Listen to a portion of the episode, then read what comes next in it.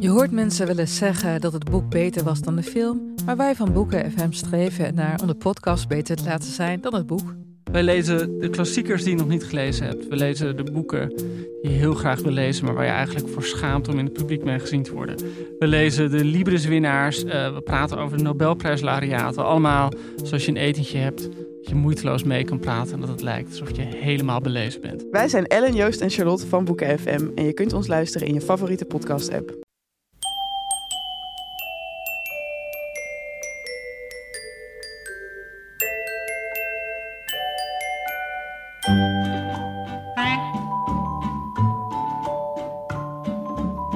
Welkom bij aflevering 149 van Echt Gebeurd.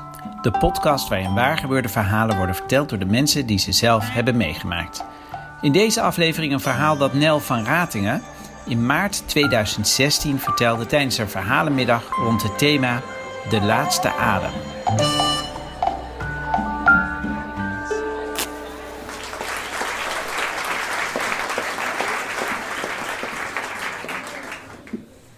Goedemiddag, ik ben uitvaartondernemer. En er zullen mensen zijn die zich afvragen: waarom word je in godsnaam uitvaartondernemer? En daarom wil ik jullie dit verhaal vertellen. Een aantal jaren geleden kwam er een melding binnen bij de Zwaanuitvaarter van overlijden, via de GGD. Het bleek te gaan om John, een dakloze verslaafde, die voor de zoveelste keer een afkeekpoging wilde gaan uitproberen en overleed. Als het gaat om een eh, GGD-uitvaart, dan weet je eigenlijk al dat er uh, veel werk aan vastzit, weinig geld. Dus je moet creatief omgaan met je vermogens. Onderhandelen met leveranciers, een kist met een foutje, gratis koffie schenken door de kerk, een eenvoudige rouwkaart in plaats van een gekleurde, mooie, gedrukte. En deze John liet ik overbrengen naar ons toenmalige opbaarruimte in het hartje van de stad op de vierde verdieping van een zorgcentrum. Het bleek dat deze John een geliefd persoon was. Hij had veel vrienden en kennissen, was opgegroeid bij zijn oma in een wijk in Utrecht. En hij was een supporter van FC Utrecht van het eerste uur. Hij stond graag voor iedereen klaar. En zelfs de hulpverleners van de schuldsanering tot de verslavingszorg liepen met hem weg. Hij had ook een andere kant. Hij zat heel erg regelmatig in de bak. Het ging zelfs zo ver dat zijn oma op een keer de koffieshop binnenliep, een joint bestelde, bij hem op bezoek ging. Ze was de enige die bij hem op bezoek kwam, dus uh, het was, de dader was gauw gevonden. En ze mocht voor straf zes weken niet op bezoek komen. Op een gegeven moment kwam aan het licht dat deze John ook een zoon had, Kevin, 20 jaar oud. En die zat een straf uit van drie jaar. Geen lievertje dus. En ik hoorde ook dat deze jongen, deze Kevin, al regelmatig op zoek was gegaan naar zijn vader, maar tot nooit had ontmoet. En dat raakte me, dat bleef bij me hangen. Ik denk, Jezus, hoe moet die jongen straks verder? Hij was zijn straf, had hij bijna uitgezeten. En dan hoort hij dat zijn vader dood is en kan hij zijn zoektocht afsluiten. En ik probeerde me het voor te stellen. Hoe helend zou het kunnen zijn als hij zijn vader zou kunnen ontmoeten? Maar hoe pak je zoiets aan? Ik dacht, ik trek de stoute schoenen aan. Ik bel de kliniek. En via een ommelandse reis kreeg ik zijn persoonlijke begeleidster te pakken. Ik vroeg of Kevin naar de uitvaart mag komen van zijn vader. Vader? Ik wist niet eens dat hij een vader had, daar heeft hij het nooit over. Maar, zei ze direct, daar kan geen sprake van zijn. Je hebt geen idee wat die jongen op zijn kerststok heeft. Ik zei, nee, dat wil ik ook niet weten. Ik zie alleen een zoon die naar zijn vader wil. Althans, ik wil hem die kans geven. U kunt daaraan meewerken.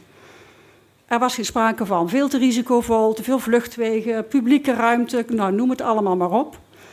En toen bedacht ik, misschien is het wel mogelijk om hem een individueel afscheid te laten nemen in onze opbaarruimte.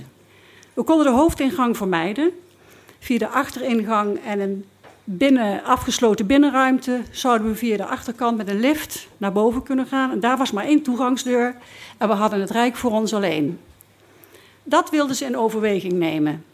Ik zette er nog wat druk achter, omdat ik zei: er zit wel haast achter, want zijn vader is in niet zo'n hele goede conditie, fysiek. Volgende dag werd ik al gebeld en wat was ik blij, Kevin mocht komen. Op een namiddag, vrijdag, kwam er een grote ME-bus met vier man, bewakers, risicoadviseur en begeleider en chauffeur. Die bus ging heel dicht tegen een uh, muur staan, zodat en ik probeerde er een beetje doorheen te gluren. En ik, had toch wel knikkende knietjes. En ik zag daar een kleine, tengere jongen met boeien tussen zijn bewakers zitten. En ik merkte dat ik rondom bekeek, zo van... Ik hoop niet dat ik bekenden zie. Alsof ik zelf iets illegaals aan het doen was. Na een verkenningstocht door twee... Uh, een soort missie van twee uh, brigadiers of twee bewakers... reed de bus het binnenterrein op. We liepen de lift in, die te klein en met te veel mensen... en we stonden echt boven op elkaar. En ik zag dat Kevin werkelijk sprekend op zijn vader leek. Ik denk, jeetje, hoe moet dat dadelijk? Als hij oog in oog voor de eerste keer met zijn overleden vader uh, bij zijn vader is. Dus ik breide hem voor. Ik zeg, Kevin, je lijkt heel erg op je vader. Twee druppels. Alleen je vader is heel groot, heel sterk en heel lang geworden. Intussen was ik ook heel erg zenuwachtig, want ik denk, ik sta hier wel met een zware jongen in de lift. Nou, wegdrukken die gedachten. Die liftgang was dan ook eindeloos. We kwamen boven. Kevin moest naar het toilet. Bewaker mee, boeien af, boeien weer om. En hij wilde graag met mij samen de opbaarruimte in. Twee bewakers bleven bij de deur staan.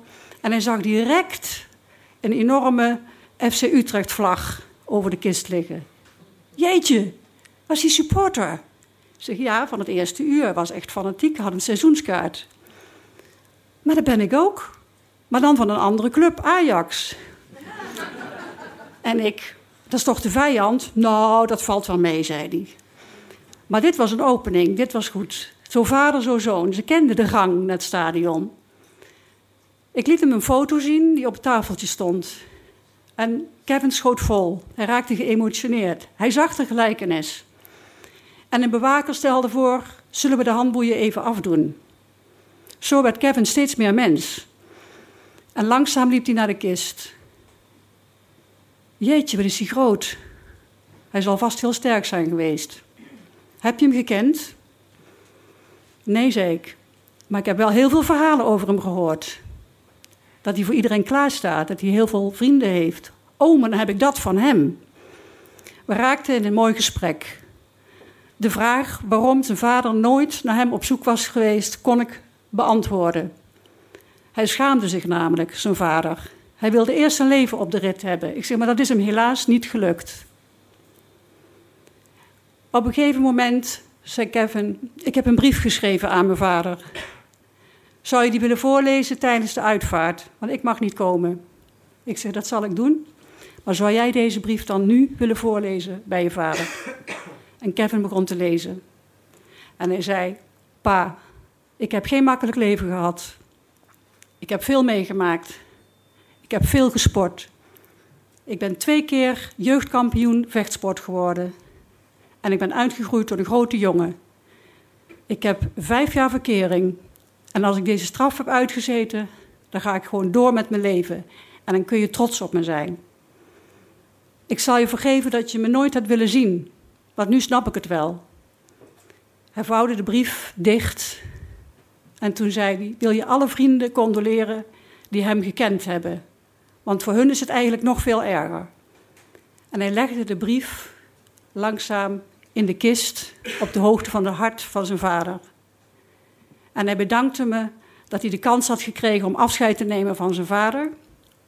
En op dat moment vertrok hij weer met zijn bewakers. Daarom ben ik dus uitvaartondernemer geworden. Ik wil mijn werk met liefde en passie doen. En niet alleen met mijn hoofd en met mijn handen, maar ook met mijn hart. Om zo nabestaanden ook ruimte te geven om door te kunnen gaan met hun leven.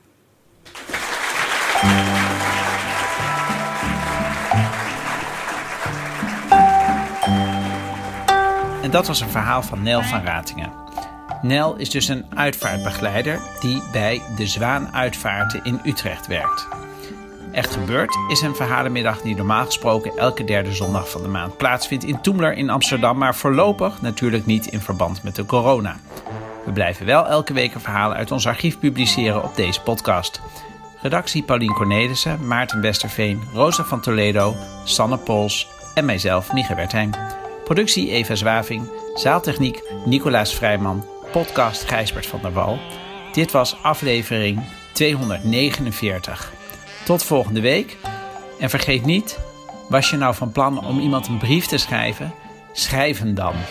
Want de leukste brieven zijn toch de brieven die diegene zelf nog kan lezen.